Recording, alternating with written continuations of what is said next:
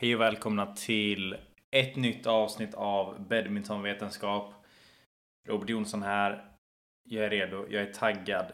Dagens avsnitt är kanske lite sent. Jag borde typ släppt det för tre veckor sedan kanske. Men här är vi. Och eh, det kommer fortfarande finnas tid att, att ta till sig det jag säger. Bara att det kommer vara lite kortare tid. Om man vill göra det hela vägen men eh, program, avsnittet kommer ju då handla om sommarträning, liksom lite försäsongs... Eh, träna lite off-season, försäsongsträning. Hur hamnar vi i rätt fas för att vara redo för tävlingssäsongen helt enkelt. Och nu är det, ja, det är typ en vecka kvar på juni och sen så har man, säg två månader på sig innan september. Vissa börjar ju inte tävla förrän senare än det, andra börjar tävla lite tidigare. Eh, så det, det är lite det är lite så det är, men, men jag har ändå gjort en plan här för hur man kan göra det på ett effektivt sätt på nio veckor ungefär. Sen beroende på vilken nivå man är på så kan man ju alltid utvecklas även under säsong. Men under sommaren har man ju generellt mer tid och eh, mer tid för fysisk träning, mindre tid eh, med att spela badminton. Och eh, det gäller ju så för de flesta sporter där man har ett, ett visst uppehåll. Men det vi ska, ska gå igenom om vi säger så är att vi vet ju att i badminton så utmanas vi med snabbhet, uthållighet, spänst, riktningsförändringar. Det kommer vi prata mycket om idag. Och det är många delar som man måste bemästra eller i alla fall vara bra på. Men hur ska vi träna för att bli så bra som möjligt på alla de här delarna? Och vi måste ju börja med tester och jag har gjort avsnitt på det tidigare så det är bara att gå och kolla på, på de avsnitten.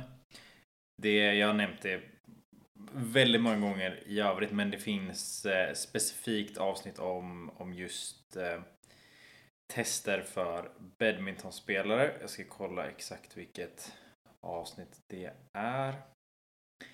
Jag, vet, jag pratade i avsnitt 26 i alla fall om hur man får ett bra resultat på fystester och det bör man också lyssna på. Eftersom att det är viktigt att man inte är helt trasig när man, när man ska göra sina, eh, sina tester. Men sen så eh, jag tror att det var det avsnittet jag pratade om tester. Ja, det är så där. Så lyssna på det avsnittet. Men i alla fall. Jag kommer gå igenom jättekort här nu. Det finns några test. Och jag, jag går inte in och förklarar dem utan ni får googla upp det själva. Eh, eller lyssna på avsnittet. Men Cooper-test för kondition. Stående längdhopp eller vertikalhopp om det finns bra utrustning och bra... Eh, eh, ja, så, att så länge det finns bra förutsättningar för att göra det och att man faktiskt kan mäta Eh, hur högt man hoppar. Annars är längdhopp bättre för att du kan faktiskt se hur, hur långt du hoppar där. Sprinthastighet 5, 10 och 20 meter. Där 20 meter är inte så relevant för badmintonspelare för att vi kommer aldrig springa 20 meter när vi, när vi springer på plan utan det är mer liksom att det finns bra testdata på det och det har ju lite med acceleration att göra. Så det är mer 5 och 10 meter som är viktigt att ha koll på där. Men det är också väldigt svårt att testa och liksom verkligen få det på, på hundradels sekund. Så att det är också svårt att göra det. Men sen har vi till exempel eh, One Rep Max i knäböj eller i single leg squat till exempel. Och det funkar ju då som ett maxstyrketest som är väldigt bra för badmintonspelare. Det behöver inte göras. Har man dålig teknik eller om man inte är helt bekväm med det så ska du absolut inte göra det för det är bara stor skaderisk. Utan det här är för någon som faktiskt har koll på sin teknik.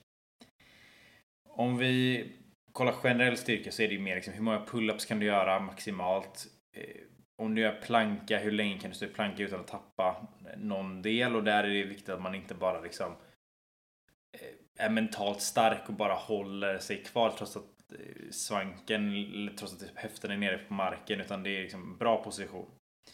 Man kan också göra det i armhävningsposition där du lyfter först ett ben i 15 sekunder så du har båda armarna och eh, eller det här kan du göra på, på underarmen också då, vilken position som helst men Du lyfter ett ben, så det vill säga att du har en, ett ben i luften, det andra benet i marken och båda armarna i marken. Sen så håller du det 15 sekunder, sätt ner.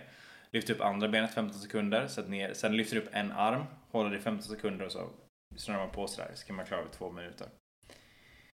Men det här går ut på att man ska träna på var man är svag och var man är stark. För det är lika viktigt att veta hur, var man är stark som var man är, eller i det här fallet bra då, som var man är dålig.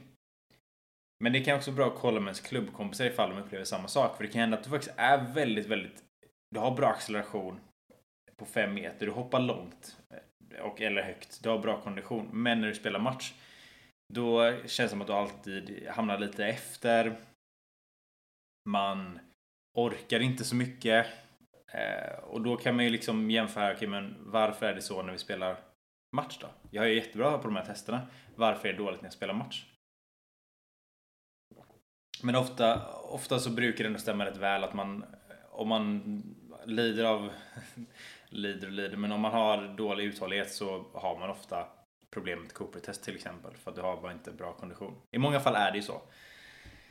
Eller om du känner dig långsam så, eh, så är man ofta långsam eh, och man saknar spänst. Det brukar vara så. Men den här första perioden nu kommer, har, vi, har jag delat in i tre veckor. Och de här första tre veckorna är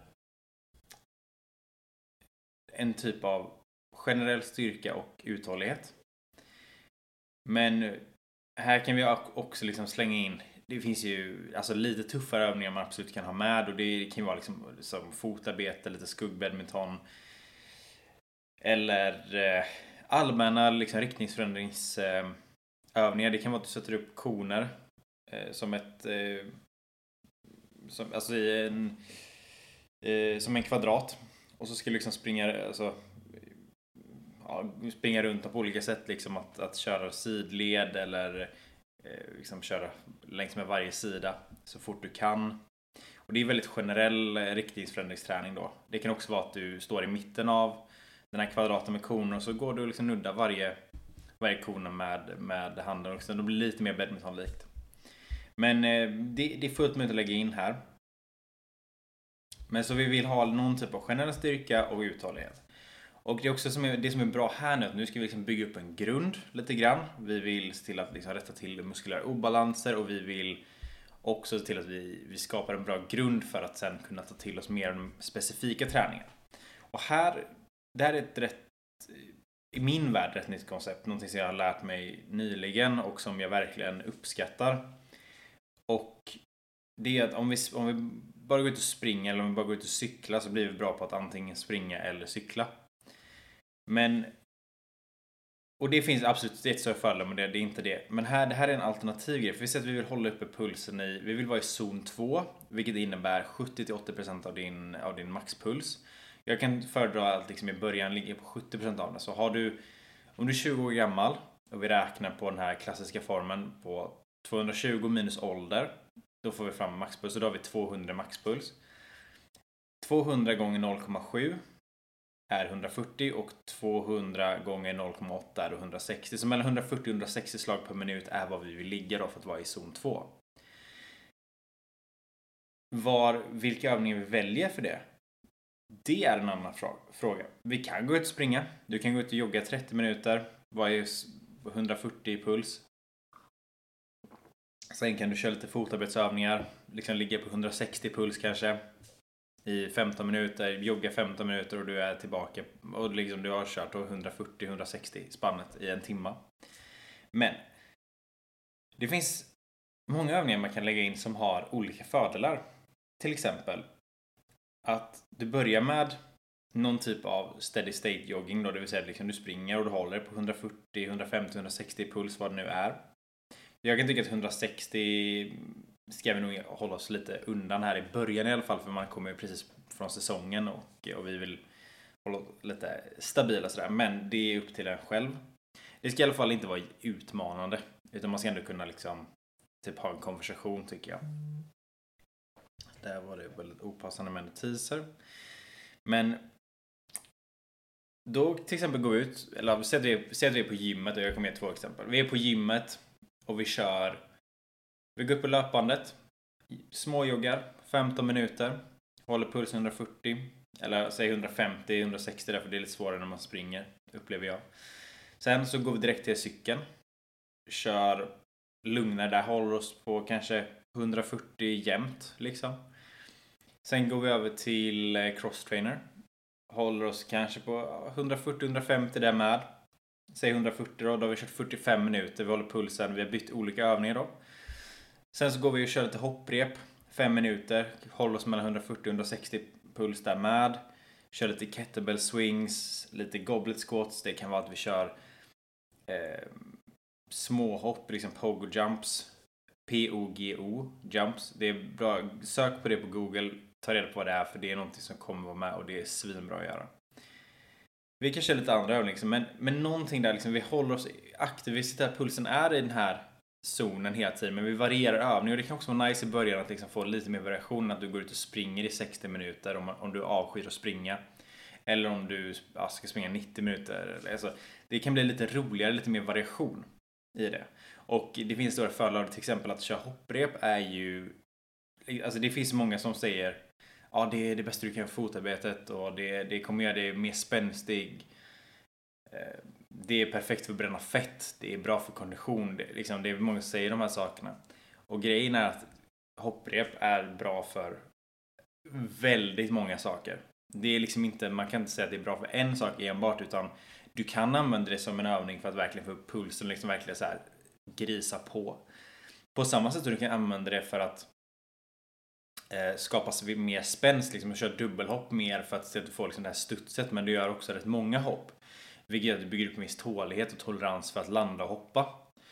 Det, det finns otroligt många fördelar med hopprep och därför tycker jag att hopprep kan vara en väldigt bra grej att slänga in. Sen vill vi inte göra för mycket av det för att varje hopp och varje landning, även om det är kort, är en belastning och det tar rätt mycket på kroppen. Men det är ett perfekt sätt att liksom starta programmet för att bygga upp toleransen för att eh, bli tålig för att köra mer spänst. Men så vill vi också ha någon typ av styrketräning i det här, en generell styrketräning. Och då vill jag liksom att man ska ha övningar som där du, om jag tar på engelska så ska det vara pull, push, squat, hinge och rotation. Och pulling är typ det mesta du gör som är för rygg. Typ du gör en pull-up. Där har du till och med pull i namnet. Du kör en rodd också, samma sak. Eh, pushing kan ju vara en, en bänkpress, en armhävning, en eh, axelpress. Det, du trycker någonting framför dig liksom. Eh, squat, där har du ju... Eh, alltså, här, här, här vill jag ändå liksom lägga in lite lunge, det vill säga utfallssteg i det. Men du har någon typ av, det kan vara en goblet squat, det kan vara en vanlig luftsquat, det kan vara knäböj med stång. Eh, du har split squats, du har bulgariska utfallssteg, du har vanliga utfallssteg, du har utfallssteg, utfallssteg i sidled bakåt. Alltså, det finns många grejer. Och hinging och där har vi liksom typ raka marklyft. Eh, skulle också vilja slänga in någon typ av hip thrust. Det kan vara en bootbuilder, en glute bridge eller någonting. Och sen rotation då. Där, där jobbar vi, det, det handlar mer om bålen och där har vi övningar som jag tycker det är att du ska köra antirotation men också rotation. Och vad är antirotation? Jo, det är att du ska... Det är någonting som drar i dig som vill att du ska rotera och ditt mål är att se till att inte rotera. Den, bäst, eller den mest vanliga övningen för det är en Paloff press. P-A-L-O-F-F press. Googla upp det också, men det är i princip att du du ähm, sätter och kör med ett gummiband då. Så du ser till att du, du håller gummibandet nära kroppen men du håller det med båda händerna. Sen så går du ut tills det är rätt mycket spänning i Du har fortfarande bandet väldigt nära kroppen. Går ut tills det är väldigt mycket spänning i den. Och sen så liksom bara rätar du ut armarna framför dig. Och då kommer du få rätt mycket spänning i bålen som då vill rotera mot gummibandet där man har fäste. Men ditt jobb är att hålla kvar och sen gå tillbaka fram. Sen har vi också då eh, rotation, eh, till exempel rotation power, explosivitet, övningar. Och där kan du ha en medicinboll wall slam. Mycket komplicerade namn nu men det går ut på att du, du håller en medicinboll som väger, inte mycket. Och det kan vara svårt att göra.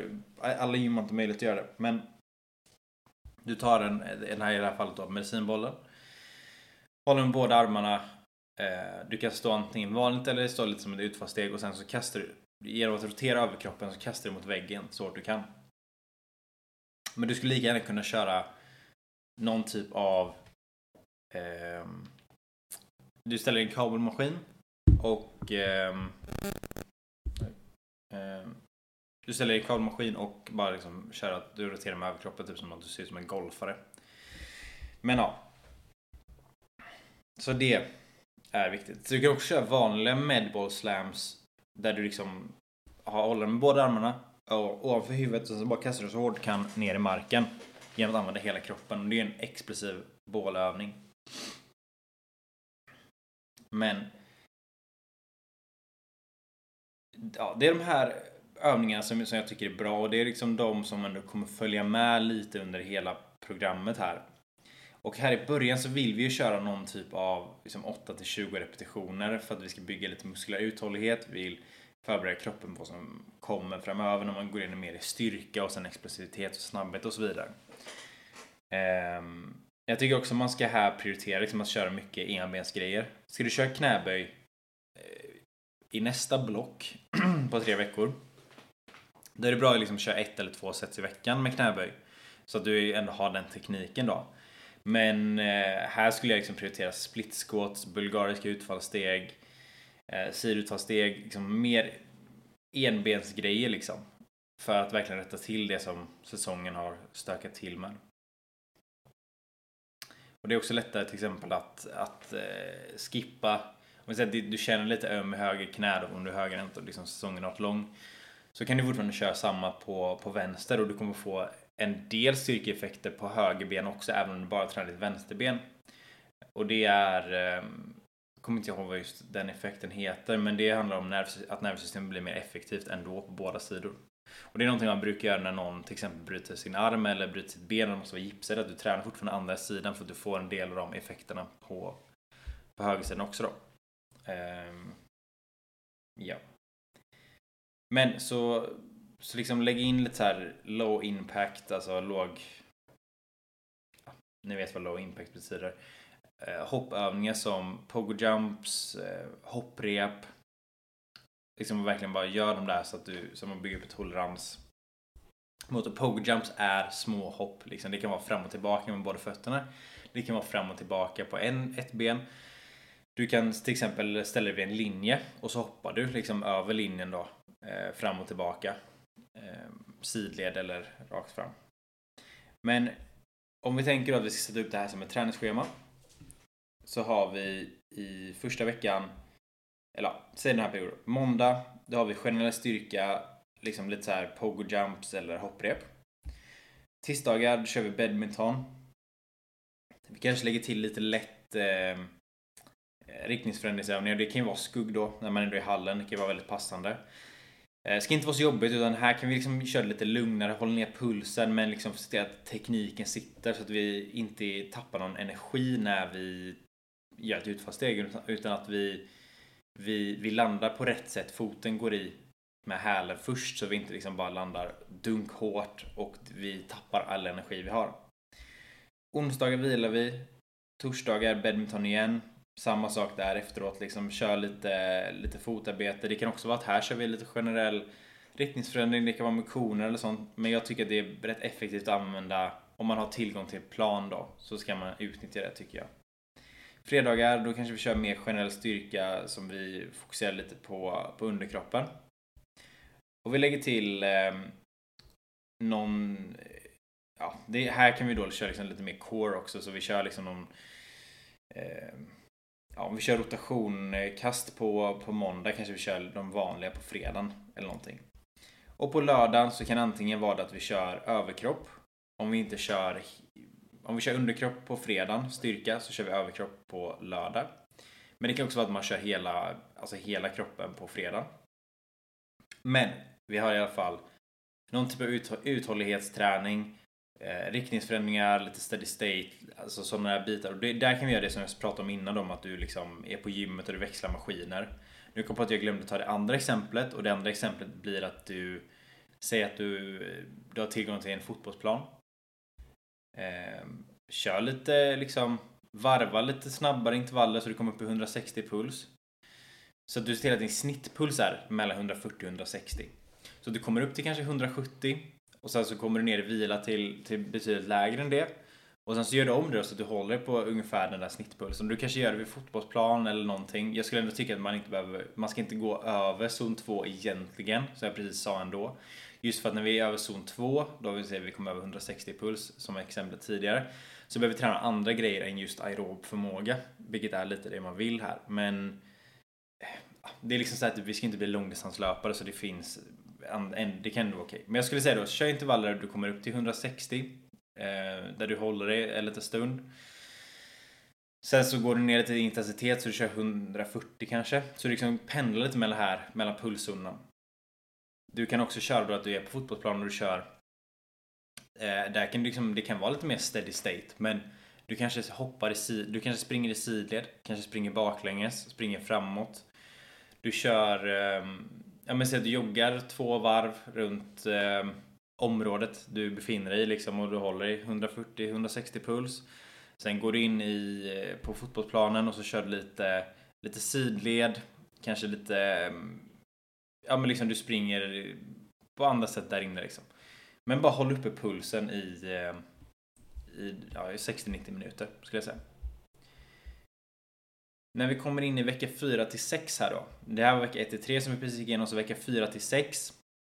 Då jobbar vi mer på på teknik, riktningsförändring, fotarbete och just det att se till att tekniken i när vi hoppar är korrekt både när vi hoppar men också när vi landar. Det är här vi jobbar lite på, på acceleration och deacceleration. Deceleration, deceleration. Jag vet faktiskt inte hur man säger det på svenska. Deceleration. Men här kommer vi jobba på lite idrottsspecifik styrka. Power, max snabbhet, den är den ska vara riktad för badminton då, inte liksom att vi ska typ bli bra på 100 meter. Och eh, uthållighet, men det ska vara idrottsspecifik uthållighet. Vilket innebär då att här börjar man jobba med mycket längre intervaller när man spelar badminton. Ehm, du jobbar längre skuggdelar så du kan köra Istället för att köra liksom typ rimliga intervaller på 15-15 eller 15-30 eller vad, vad man nu vill göra så kanske du går upp till 45 sekunder här liksom kör, du kör långa. Eh, du kanske, du kanske till och med går upp till 70 sekunder och kör verkligen lågt tempo. Men vi går också upp i den här fasen att jobba mer mot styrka då. Och här kommer vi då ha till exempel knäböj. Eh, Split squats är också fantastiskt att ha med. Jag tycker det ska vara med för att vi, vi använder ett ben åt gången liksom. Men vi vill jobba 2 6 sets med 2 6 repetitioner. Så det är rätt enkelt att komma ihåg. Men vad man än väljer av det här som du vill köra två sets med sex repetitioner eller om du kör sex set med två repetitioner eller tre gånger tre, fem gånger fem gånger fem vad du väljer. Se Till att du inte liksom hoppas att första veckan så är det två gånger sex vecka två så är det sex gånger två och sen vecka tre så är det fem gånger fem eller sex gånger sex. Alltså det måste ändå vara liksom någon typ av kontinuitet i det. Eh, och det kan vara att du kör säg tre gånger tre Öka vikten varje vecka eller öka med en repetition per vecka. Vad nu än är, men du måste vara konsekvent du måste bestämma innan vad är det du ska göra. Och hur mycket av det är det du ska göra, vad är det du ska bli bättre på? Är det öka repetitioner, är det öka antalet sets eller är det öka vikten? Så då blir liksom planen, liksom vi förändrar inte hur veckan ser ut utan vi har fortfarande måndagar, då är det gym och då kör vi liksom underkroppspower hopp och eh, överkroppsstyrka. Och eh, den överkroppsstyrkan kan fortfarande vara generell.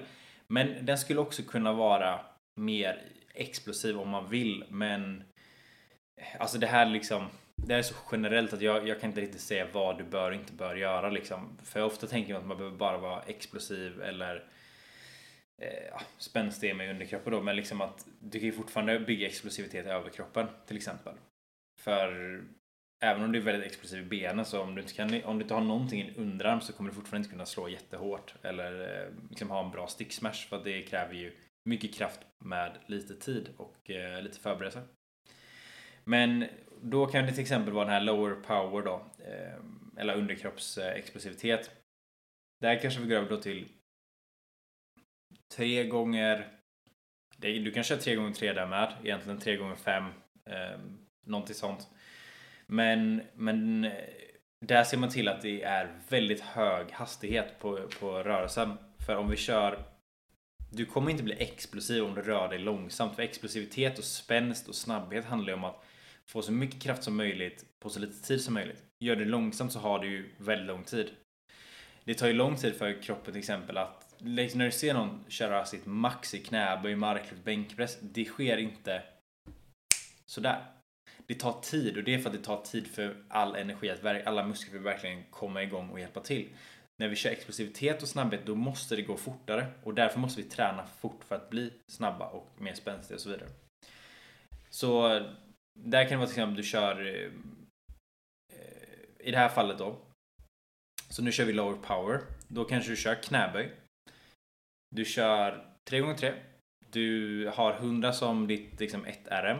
Kanske går ner till 50 kilo och kör hopp där med. Alltså du kör liksom hopp med eh, med din eh, ja, med 50% av, din, av, din, av ditt max då. Och då får vi in hopp i det också. Men det kan lika gärna vara att du kör eh, mer explosiva repetitioner på lite tyngre vikt. Du kanske går upp till ja, 70-80, du går ner liksom till parallellt marken och i knäböj och sen så pressar du upp så fort du kan men du kommer inte hoppa för att det är lite för tungt för det. Utan du kommer upp på tå i alla fall. Och sen så lägger man in lite hopp och i det här fallet skulle jag liksom säga att man, man börjar med sådana som inte är jätteslitsamma för kroppen. Så du kan köra boxjumps, eh, tuckjumps, li, ja, lite slitsamma sådär. Eh, vi har single leg push-off och det är att du står eh, Står typ som, ett, alltså som en utfallsposition i princip med ena benet lite ovanför. Du kanske har satt på en step-up bräda eller på en bänk. Och sen så ser du till att verkligen trycka det benet som står upphöjt så att du hoppar därifrån. Um, bara söka på det. Och sen överkroppsstyrka då, då, eh, och då kan det vara liksom att du, du slänger in ett set pull-ups. Kör, ja, säg två set pull-ups. Två set hantelrodd. Armhävningar, hantelpress. Alltså typ sådana här grejer. Liksom bara kör lite överkroppsstyrka i, alltså mer generellt. Eh, kan också ha någon typ av bål i det. Sen har vi badminton på tisdagar igen och då liksom lägger vi in lite mer fotarbete och riktningsförändringar. Lite, här kan vi ha lite högre intensitet men vi vill ju fortfarande bygga eh, teknik och, eh, eh och vi vill, alltså, men vi vill ändå bli snabba då så att här, här kan man köra lite mer normalt och liksom man drar ner tiden Eh, och försöker vara lite mer explosiv men man kan fortfarande vila en del emellan. Eh, det är faktiskt okej. Okay. Och sen onsdag, vi, eh, torsdag samma som tisdagen. Fredagen, då kör vi styrka och då är det liksom, då är det knäböj 3x3 fast då kör du liksom typ 90% av ditt, av ditt max eller någonting. Vi kan, köra, vi kan fortfarande köra de här eh, alltså split squats och, och, och så men eh, men vi lägger lite mer fokus på någon övning. Det kan också vara här, här kör vi någon vi kör knäböj och vi kör hip thrust som de två styrkeövningarna, alltså verkligen styrka, styrka. Och sen så går vi över till mer generell styrka och eh, här kan vi också ha lite så här eh, power för, eh, för mage då. Eh, med typ medball slams. Och sen på och sen så vill vi också ha steady state vilket innebär att här kanske vi jobbar då på vad kan vi säga? Typ, ja, återigen typ 140-150 puls, jobbar i någon timma.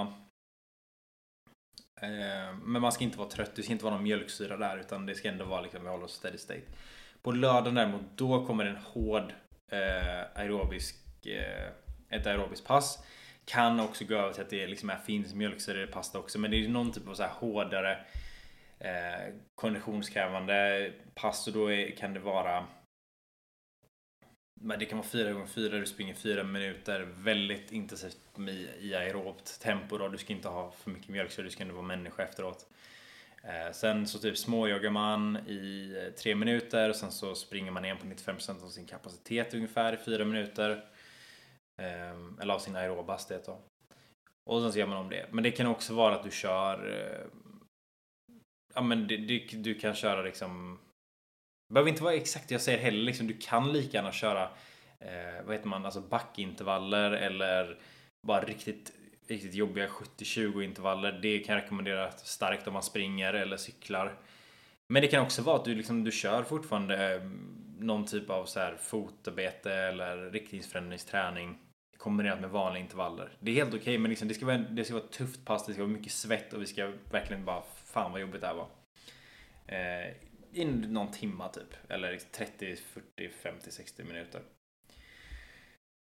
Men vi ska också tänka att varje vecka som går ska det bli mer specifikt mot tävlingssäsong. För det här handlar ju om att vi ska gå från generell, liksom vi ska vara vältränade som idrottare till att bli väldigt, väldigt inriktade på badminton. Så att om vi säger att som vi tränar vecka 1 till 3 det kan typ vilken som helst idrottare träna. Alltså utifrån sin sport. Alltså du byter ut badminton mot fotboll och du byter ut typ fotarbete mot, alltså fotarbete på badmintonplanen mot fotarbete på fotbollsplanen. Men du kan ha samma typ av schema. Men här så vill vi gå mer och mer specifikt mot just badminton. Vad ställer badminton för krav på oss? Jo, okej, okay, vi ska vara extremt, extremt kapabla till att vara explosiva i få sekunder väldigt många gånger under 30 till 60 minuter, då, det vill säga en match. Vi behöver liksom någon typ av repeated sprintability. Vi behöver ha bra uthållighet, vi behöver vara väldigt bra på att liksom i det här då komma upp i puls, väldigt alltså, så vi kan komma upp högt i puls, men sen väldigt fort gå ner i puls också. Det vill säga att när vi kör de här liksom, säg 15 sekunders bollduell, pulsen är väldigt hög. Då innan nästa bollduell startar så vill vi ha den så låg som möjligt igen. Att bli bra på det är ju också en grej i det här. Och det är mer dit vi vill komma ju längre vi, vi kommer mot säsong. Men det handlar också om att övningarna vi väljer ska vara lite bättre liksom just mot det. Så när vi pratar spänst som jag varit inne på lite grann här, spänst och explosivitet. Nu har vi byggt upp en generell explosivitet. Nu måste vi faktiskt ta den då till att vara, okej okay, men om jag ska hoppa, om jag ska hoppsmasha i forehand till exempel. I dubbel eller singel. Det förändrar, alltså om jag är singelspelare så kommer jag hoppa generellt på ett visst sätt. Jag kommer inte ha båda ben, liksom jag kommer inte jag kommer att röra mig mer från liksom spelcentrum ut så jag kommer hoppa jag är högerhänt då så jag kommer hoppa med eh, med högerbenet liksom när, längre bak mot banan och vänsterbenet är liksom närmare spelcentrum. Det är ungefär så det kommer se ut. Sen har man tid, då kan jag liksom saxa fötterna eh, och det förändrar saker. Men hoppar vi backhand så är det en annan sak. Det är liksom, vi måste gå mer åt den riktningen ju längre in i, i den här träningsperioden eh, som vi kan. Men någonstans vecka 5 här, liksom någonstans vecka 6 typ, då behöver jag köra lite deload och då är det rekommenderat att vi liksom halverar volymen. 50-70% av volymen beroende på hur, hur sliten man är. Men eh, vi eh, vi vill ju fortfarande liksom, vi måste fortfarande jobba utifrån det som vi behöver jobba på. Nu pratar jag väldigt generellt om badminton. Om du har problem med uthållighet så, men du är explosiv. Gå bort lite från det jag säger nu och lägg lite mer fokus då på det här steady state och eh, riktningsförändringar. Liksom jobba på de bitarna mer. Det här är liksom bara ett, ett väldigt generellt tips. Jag var nästan lite så här skeptisk att göra det avsnittet på grund av att det blir så så generellt. De flesta av oss har vissa väldigt specifika problemområden. Det här är mer liksom att tänk på, tänk på att lägga upp din träningsplan på det här sättet. Att du väljer ut vad du behöver förbättra och sen så jobbar du på det. Men att inte glömma av det att om vi jobbar mycket i uthållighet så måste vi fortfarande se bibehålla så mycket explosivitet och spänst som vi bara kan. För att om vi bara blir uthålliga då kommer vi tappa våra styrkor, vilket är då explosiviteten. Ehm, men det är också viktigt här nu när vi tränar snabbhet och så i vissa delar så, så behöver vi vara relativt fräscha för att kunna göra det. Det är därför till exempel det är därför det är vilodag på söndag och, in, och man tränar de här alltså spänstgrejerna och, och explosivitetsgrejerna på måndag så vi får en vilodag emellan. För om vi kan prestera på 90% av vår kapacitet då tränar vi inte riktigt snabbhet eller spänst längre utan då tränar vi andra saker. Men ja, sen så typ vecka 6-7 någonstans där eh, så behöver vi köra en liten deload. Och till exempel kan vecka 7 vara mer att vi vi börjar med lite lägre volym och sen så kommer vi upp till volym vecka 8-9 igen då. Men här har jag skrivit att måndag vecka 7 9. För, förlåt, jag ska backa lite. Här, det är ju här vi då blir superspecifika med de här fysiska förmågorna vi behöver för badminton. Och även om du nu har valt att jobba mycket på uthållighet under säsongen. Nu handlar det om att få in det i badmintontermer. Så att hur, jag, hur tar du den här liksom steady state aeroba förmågan du har jobbat upp nu under sommaren? Hur tar du den till att faktiskt bli uthållig på plan? Och där handlar det om att liksom börja köra mer skugg. Mer och mer fotarbete, mer och mer riktningsförändringar, jobba upp intensitet eh, successivt här. Liksom, att verkligen föra över då aerob förmåga till badmintonuthållighet. Det är det det handlar om här. Men jag skulle rekommendera att här bör man liksom köra de här liksom snabba, jobbiga fotarbetspassen. Vissa kan vara väldigt mjölksyra, liksom det, det, det bara suger. Till exempel tisdagspasset. Där kan det vara mycket mjölksyra. Det, det tycker jag är okej, okay. det kan nog vara bra. Medan på torsdagen, då kör vi mycket mer snabbhet. Mer vila, mindre tid, men bara riktigt snabbt ska det vara. Men sen så kan det också vara liksom att, att vi lägger in vissa riktningsförändringsövningar där man till exempel på ett kommando ska röra sig till en viss del. För kör fotarbete, då vet du innan var du ska röra dig så du kan förbereda hur du ställer dina fötter. Kör vi mer det här där någon ger dig en, en eh, liksom att nu ska du bak eller nu ska du fram eller nu ska du fram forehand. Fram bak. Alltså det kan vara att de pekar eller att de säger någonting. Då måste vi reagera och det är också en extremt viktig del i riktningsförändring. Att också inte bara liksom kunna göra det snabbt utan också att göra det snabbt på kommando, att reagera snabbt. Hur snabb är du? Om du läser spelet bra så kommer det ofta stå rätt. Men om du står fel, om du möter någon som är väldigt bra på att hålla inne slagen då kommer du att få väldigt mycket problem för att du har inte den reaktiva förmågan. Och det hade jag ett problem med själv som spelare. Eh, att jag kunde, jag var väldigt dålig på att reagera på, på vad som hände. Ehm, men om jag liksom fick möjligheten att läsa spelet, vilket man kan göra mot alltså spelare som var lite lägre rankade typ. Eh, eller mot de som inte var liksom i superduktiga, för det, var, det är faktiskt en sån stor grej som påverkar. De riktigt duktiga kan hålla in slagen så du inte riktigt vet var det kommer.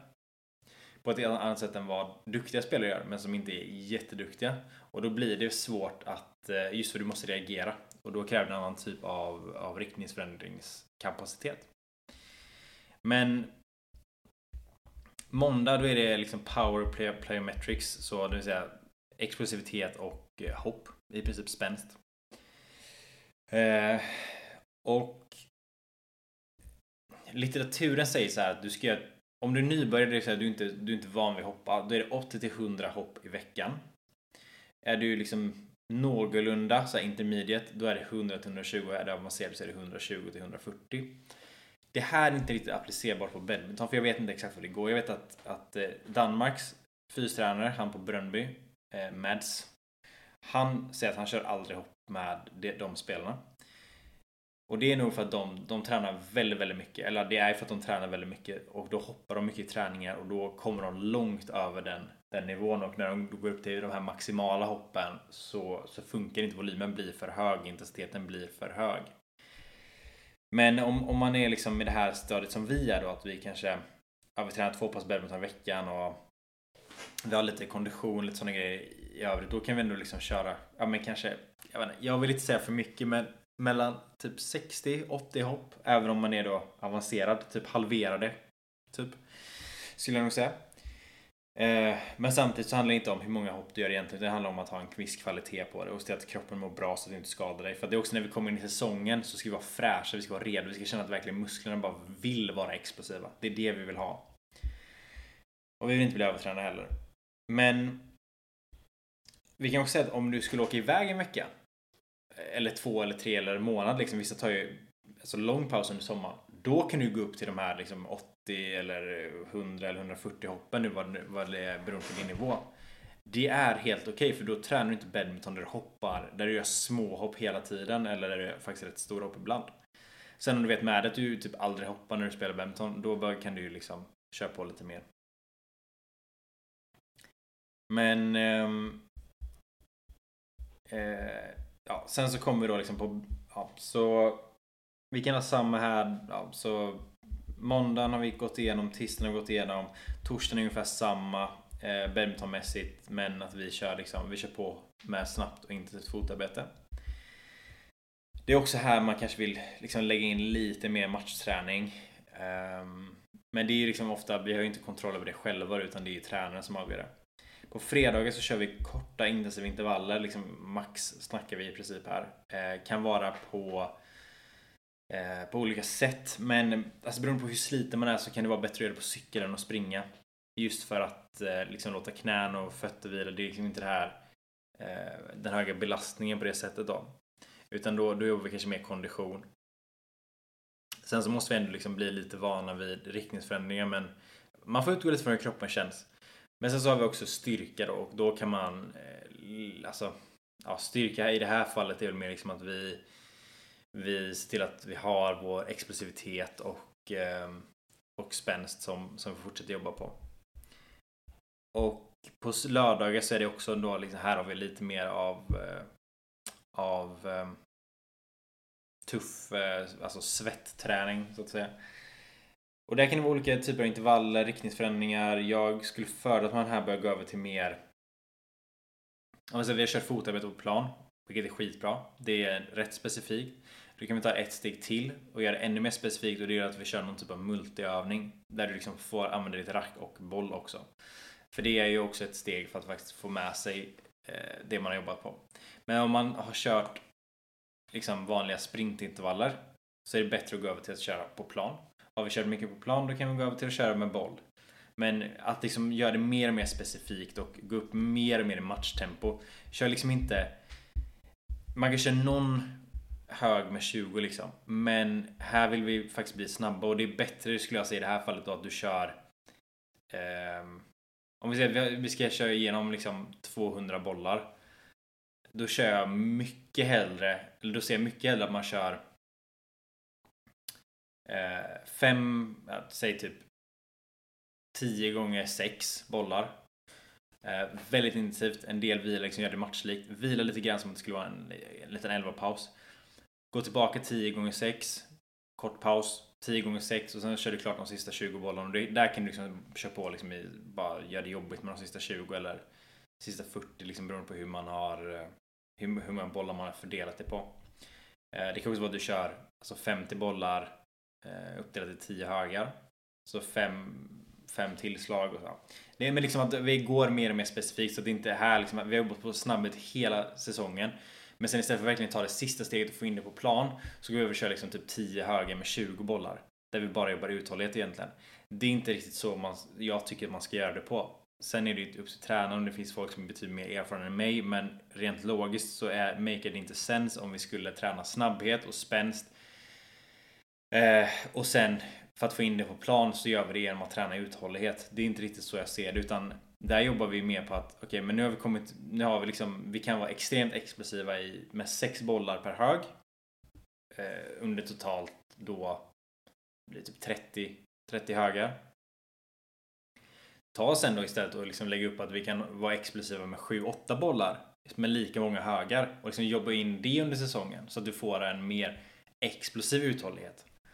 Det skulle jag betydligt mer rekommendera. Och sen liksom ibland lägger man in en 20 hög så att man ska vara explosiv efter en lång bollduell också. Liksom hitta den variationen. Sen ska jag också säga att liksom, när man tränar de här liksom badminton-specifika delarna så är det också viktigt att det inte alltid är samma intervaller. För badminton varierar ju. Vi vet ju att vi går från bolldueller som varar, ja men det kan vara tre bollar i rad, men det är typ serve, serve, retur, eh, miss. Till att det blir två bollar i rad som aldrig tar slut. Och det kan vara bra liksom att liksom, träna på det också. Men eh, jag måste rekommendera det, för det här är supergenerellt. Och vissa behöver ju arbeta på andra saker som jag varit inne på tidigare, så hitta det som funkar för dig. När man tränar under sommaren så är det ju många hinder som att man åker iväg med familjen eller man, man har inte samma rutiner. Det är varmare vilket påverkar liksom återhämtning och hur mycket hur hårt man kan träna och så vidare. Men så försök anpassa dig efter liksom omständigheterna. Det är det enda jag kan säga i det här. Skriv ner alla träningar. Kan du mäta pulsen, mät pulsen. Kan du mäta distansen och tiden du har sprungit, mät det. Skriv ner det. Skriv hur du känner. Eh, för en dagbok över hur du mår varje dag. Det kan vara liksom relaterat till, eh, till träningen. Liksom. Hur kändes kroppen? Är det mår skit idag? Okej, okay, varför? Jo, men jag körde spänst igår och så var det badminton eh, idag. Nu mår jag skit. Eller liksom man, man har koll. Så okej, okay, men då kanske vi inte kan ha spänst dagen innan badminton. Vi får ändra om det här. Så att man hela tiden kan liksom jämföra och se vad som händer. Och skriv ner vad du har gjort på varje träningspass så att du faktiskt vet. Så att du inte säger att ah, men nej, men jag gjorde ungefär där förra veckan och så hade du gjort 20, 20 set ben förra veckan och denna veckan blev det 30 eller 35 eller 5 liksom. Så att man har koll på, på det liksom. Det handlar om vad man har för mål. Men om jag skulle ta mig själv som ett exempel när jag spelade så skulle jag jobbat så mycket mer på på, på min kondition i allmänhet. Liksom. Mer, alltså dra ner, för jag sprang alltid den här gråzonen som, som man kallar det, liksom, där man inte... Det är jobbigt. Men du tränar inte riktigt någon specifik förmåga. Utan du, du springer för snabbt för att det ska vara aerobiskt, men för långsamt för att det ska vara riktigt anaerobiskt. Och du liksom, man hamnar bara i det här mitt emellanläget här, så jag hade verkligen jobbat på kanske att, att småjogga och gå, småjogga, gå. Eh, för den biten. Sen hade jag definitivt kört mycket mer spänst. För även om jag var okej, okay, alltså okej okay, explosiv, jag hade inte så mycket spänst i sig. Jag var väldigt stark men jag hade inte så mycket spänst för jag hade inte tränat så mycket på det. Eh, jag hade jobbat mycket på riktningsförändringar, alltså extremt mycket på riktningsförändringar. Det hade varit det avgörande för, i, för, i mitt läge liksom. Eh, och sen så hade jag också jobbat på uthållighet. Så det hade varit lite, alltså skugg helt enkelt. Liksom 40, ja, 40 30 30-40 sekunder skugg, vila en del också, liksom sen dra ner på vilan och, och jobba, jobba på det sättet. Men jag hoppas att ni får lära er någonting från mina misstag som jag själv upplevde att jag gjorde som spelare. Det vill säga att jag inte faktiskt tog tid att analysera vad är det jag behöver förbättra. Utan jag, jag tränade eller okej, okay, det gjorde jag till viss del, men jag gjorde inte upp rätt plan för det. Så prata med någon som är professionell med det här liksom. Det kan vara antingen typ skriv till mig på Instagram. Är det för mycket så får jag, då, då förväntar man sig en swish liksom. Men alltså typ, lite skämt då, men eh, anlita gärna någon expert som faktiskt kan hjälpa dig med dina mål. Men var inte rädd för att skriva till mig på Instagram heller, för att alltså är det en rimlig fråga som jag kan svara på lätt så kommer jag svara på den. Eh, det har jag fått tidigare och det, det är skitkul med frågor. Så, så det är bara att fråga på. Eh, I övrigt så är det liksom bara till att liksom våga träna på det man är dålig på. Träna inte bara på det man är bra på. Träna inte för hårt. Eh, träna inte heller för, för mesigt. Utan hitta det här som faktiskt är liksom att ska du träna aerob förmåga och du ska gå ut på ett långdistanspass. Då ska du inte vara slut när du kommer tillbaka. Du ska vara så här. Ja, jag kan springa en bra bit till. Då är, du, då är du färdig med det aeroba. Du får inte pressa dig till max för då tränar du helt andra grejer. Och det är samma sak med styrka. Gör du för mycket volym kommer du liksom inte få, du kommer inte, alltså din kropp kommer inte anpassa sig. Sen finns det också mycket av det här som handlar om hur man äter och hur man återhämtar sig i övrigt och det, det är extremt komplext. Men i det här så liksom se till att du inte äter för lite. Jobb, när du är i fas att till exempel bygga mer, mer muskler Eh, styrka och så vidare. Se till att du får i dig lite mer protein än om du till exempel bryr dig mer om att du ska förbättra din uthållighet. Då är det mer kolhydrater du ska fokusera på. Och det, jag har något avsnitt om kost också här, men att se till att hitta det. Liksom, ska du bygga muskler och bli stark och förbättra de fysiska förmågorna. Du får absolut inte ha för lite kolhydrater i kosten. Men se till att prioritera protein lite mer. Sen är det, alltså i säsongen, då är det en annan sak. Då är det mer kolhydrater, du kan verkligen dra ner på proteinet, du behöver bara bibehålla liksom. Och sen återhämtning, liksom, börjar du känna dig utbränd, bara, det är inte kul att träna, det är inte det är inte givande liksom. Då måste du se över det och fundera på vad är det som är fel. Det är bättre att du tränar någonting som kanske inte är det mest optimala ur ett rent, alltså ur ett strikt fysiologiskt perspektiv. Så kanske det skulle vara bättre för dig att gå ut och liksom jogga då 90 minuter, håll ner pulsen på 140. Men du avskyr det, då kanske det är bättre att köra de här variationerna som jag pratade om, liksom lite hopprep, lite småjogg, lite eh, vad var det mer vi pratade om? Riktningsförändringsövningar. Liksom, jobba på det sättet. Det ska vara kul också. Så att ta med er det här. Jag hoppas att ni har fått ut någonting nu. Eh, och ja, alltså verkligen fundera igenom vad ni behöver jobba på. Så ja, så nu får ni väl ha en bra midsommar då. Det här är lite innan midsommar så jag spelar in det. Men nästa vecka så kommer jag tillbaka och eh, jag ska fundera lite på exakt vad det är vi ska prata om då. Jag kanske gå in någon, någon mer detaljnivå på det här eller så har jag en annan tanke på en, en ny serie som, som vi ska dra igång här med några avsnitt om, om de olika kategorierna. Men tack så mycket för idag. Skitkul att spela in det här avsnittet. Det var väldigt lärorikt också att, för mig att faktiskt eh, läsa in de här grejerna. För det är så extremt komplext att skriva det så så generellt, hade jag, hade jag haft dig som en person framför mig där vi sitter och pratar om exakt vad du vill och vad du kan träna per vecka och vad du vill och så. Det har varit skitlätt. Men just det här generella, det är svårt. Så det var faktiskt väldigt lärorikt för mig också. Eh, så det asnice. Men ta hand om er, glad midsommar och så hörs vi nästa vecka. Hejdå.